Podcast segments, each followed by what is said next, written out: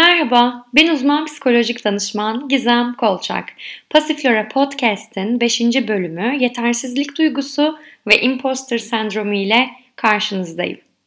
Literatürdeki tanımına göre yetersizlik duygusu, kişinin gözle görülen, ispat edilebilecek tüm kabiliyet ve yeterliliklerine rağmen bunları kendisinin fark edememesi ve sahip olduğu bu olumlu özellikleri reddetmesi kendisini yeterince iyi ve başarılı hissetmemesi durumuna denmektedir. Gerçekten yetersiz, beceriksiz ya da yeteneksiz misiniz? Yoksa bütün bunlar zamanla hissiyata dönüşmüş inançlarınız mı?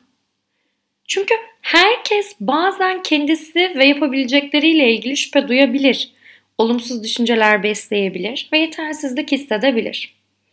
Eğer başarısız hissediyorsanız, sorumluluk almaktan kaçıyorsanız, erteleme davranışınız arttıysa, öğrenciyseniz ya da çalışıyorsanız, grup çalışmaları zor geliyorsa, yetersizlik duygusu ya da imposter sendrom yaşıyor olabilirsiniz.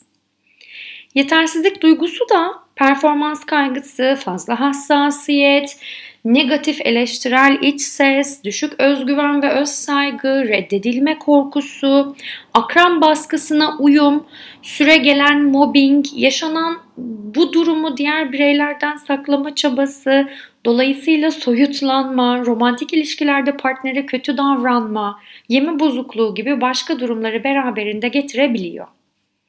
Şimdi öncelikle Hayatınızın bu döneminde yetersizlik hissediyorsanız ya da geçmişte bir dönem deneyimlediyseniz size şunu hatırlatmak istiyorum. Zaten hiç kimse mükemmel değil. İyi ki de değil. Mükemmel olmak zorunda değilsiniz. Değiliz. Ve dünya üzerinde özgüveni en yüksek olan kişiler dahi bazen yetersiz hissedebilirler. Çünkü yetersizlik de tıpkı diğer duygular gibi sadece bir duygu. İnsan canlısı yaşadığı her şeye bir anlam yükler.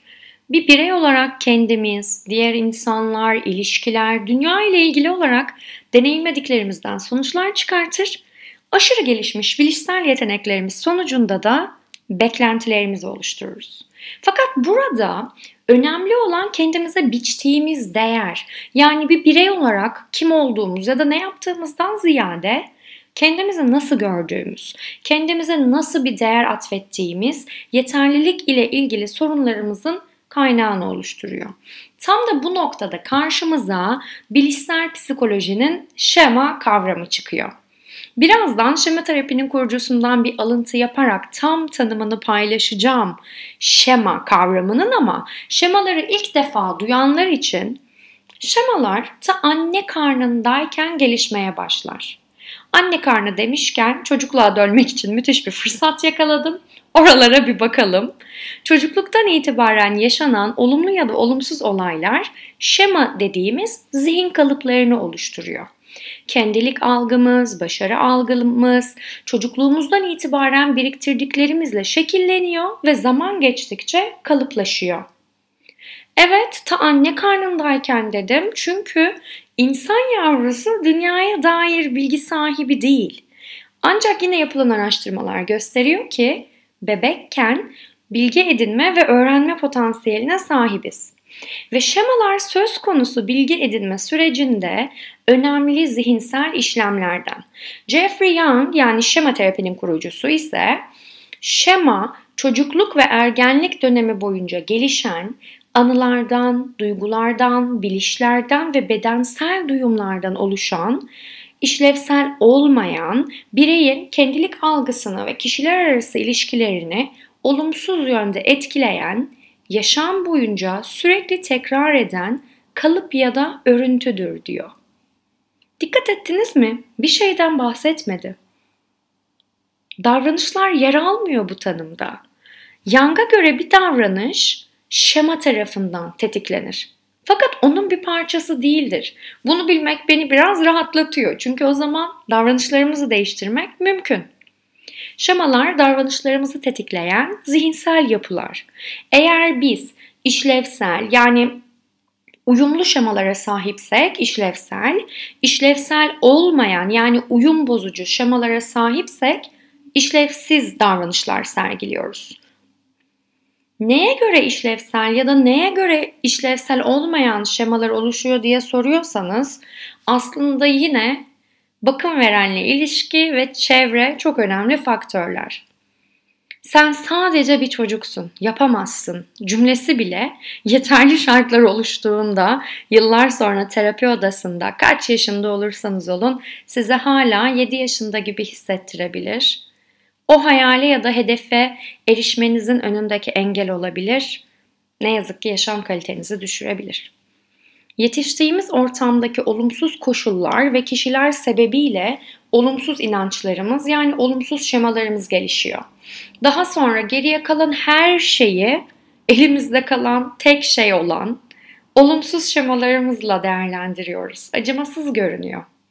Yani olumlu şemalarınız varsa görüntü biraz daha dünyaya pembe gözlüklerle bakmak gibi. Ancak olumsuz şemalarınız varsa dünya biraz daha sepya. Çünkü yetersizlik inancı da bizim temel inançlarımızdan, şemalarımızdan bir tanesi. Bakın gerçek demedim. İnançlarımızdan bir tanesi dedim. Yetersizlik hissi bir inançtır. Gerçek değil. Bazen ben de yetersiz hissediyorum.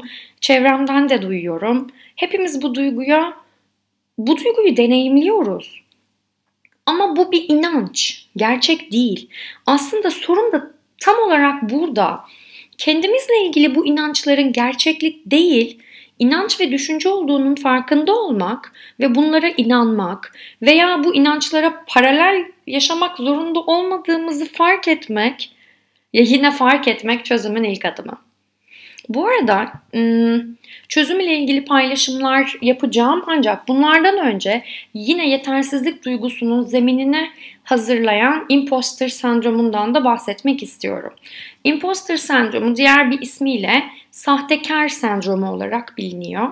Bu sendromdan müzdarip olan kişiler diğer insanları bir başarı öyküsüyle kandırıyorlarmış hissi yaşıyorlar. Hatta başarılarını şans eseri elde ettiklerine ya da çeşitli dış etkenlerden kaynaklandığına inanıyorlar. Sürekli başarılı olmadığı anlaşılır düşüncesiyle sahtekarlıkla suçlanma korkusu yaşıyorlar.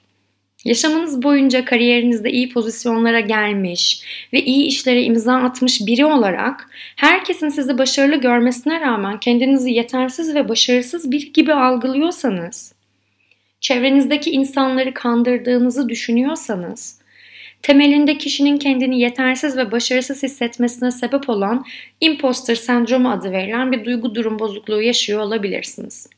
Bu sendromun başlıca nedeni ailedeki başarı baskısından kaynaklanıyor.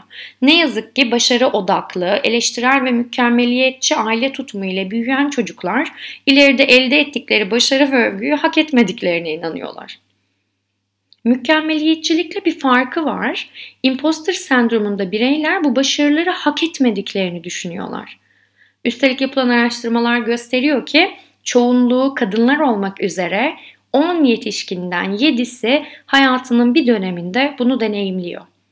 Özellikle öğrenciler, rekabetin fazla olması sebebiyle yaratıcı alanlarda çalışanlar, üstün başarılı kişiler, kadınlar, etnik azınlıklar, LGBTQ bireyler, engelliler ne yazık ki toplumun empoze etmiş olduğu algı sebebiyle başarılarını sahte olarak görebiliyorlar.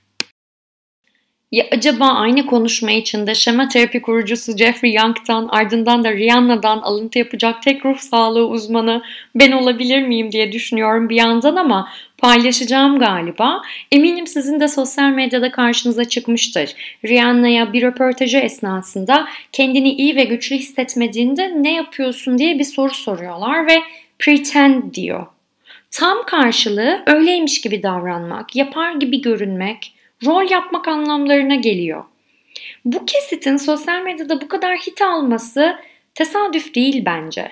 Zaman zaman hmm, mükemmel olduğunu düşündüğümüz, kusursuz olduğunu düşündüğümüz, küresel başarıya ulaşmış bireylerin de kendisini kötü hissettiğini görüyoruz. Bunu görmek istiyoruz. İnanmak zorunda değiliz belli ki inanmayı seçmişiz. O zaman pek tabii seçmemek de mümkün. Yani kötüysek, kötü değilmişiz gibi davranmak, yetersiz hissediyorsak yeterliymişiz gibi rol yapmak da bir çözüm olabilir.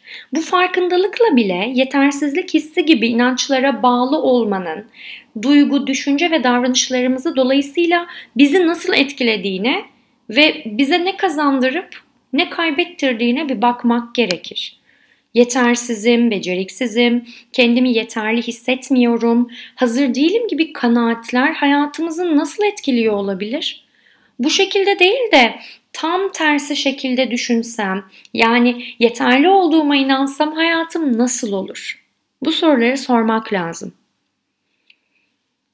Kendinizle nazikçe ve empatik bir dilde konuşmayı deneyin. İhtiyaçlarınızı sorun kendinize. Neye ihtiyacım var? Bir dakikanızı ayırın ve neden yetersiz hissettiğinizi düşünün.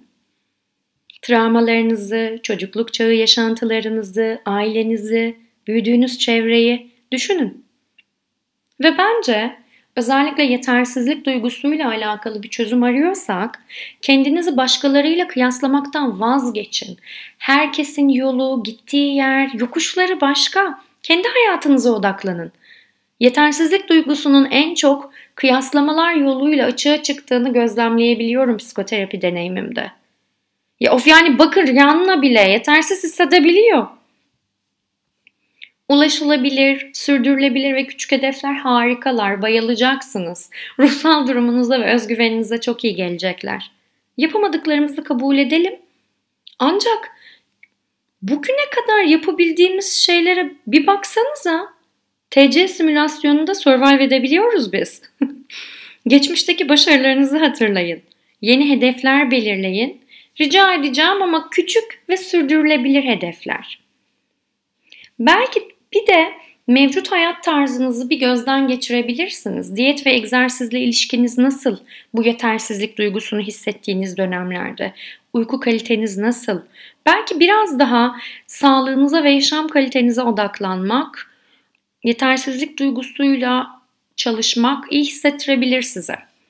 Ancak tabii ben böyle bunları arka arkaya sıraladığımda ya da siz araştırmalar yaptığınızda okuduğunuz ve gördüğünüz şeylerle ilgili bilmenizi isterim ki şemalarınız, inançlarınız onlar uzunca süre sizinleydiler. Yani sadece küçük bir farkındalık anı ya da bir iki soru cevaplayarak bir anda değişmeyecekler. Onlar yaşantıyla oluşan deneyimlerle kalıcı hale gelebilirler. Yeni deneyimlere açık olmak, yetersizlik hisseden ben muhtemelen böyle yapardım ama yetersizlik hissetmeyen ben olarak düşünmeye çalışmak, davranmak ve yeterli olduğuna kendini inandırmak ve denemek gerekecek. Kolay değil. Bütün bunları denediyseniz ve hala çözemediğiniz şeyler varsa ki olabilir, belki de bir ruh sağlığı uzmanı ile görüşmek size iyi gelebilir. Eğer hala benimleyseniz, dakikalardır yetersizliklerinizle ilgili düşünüyorsanız, dilerim bu çaba karşılığını alacak. Teşekkür ederim. Yeni gelen bölümleri ve içerikleri takip etmek, hayatın getirdiği zorluklara karşın deneyimlerini paylaşmak ya da psikolojik danışmanlık ile ilgili benimle iletişime geçmek isterseniz Pasiflora Podcast ve uzman psikolojik danışman Gizem Kolçak Instagram hesaplarımdan ve dinlediğiniz bu platformdan beni takip edebilir. Eğer beğendiyseniz 5 yıldız bırakabilir ve sevdiklerinizle paylaşabilirsiniz. Bir sonraki bölüme kadar sevgiyle kalın.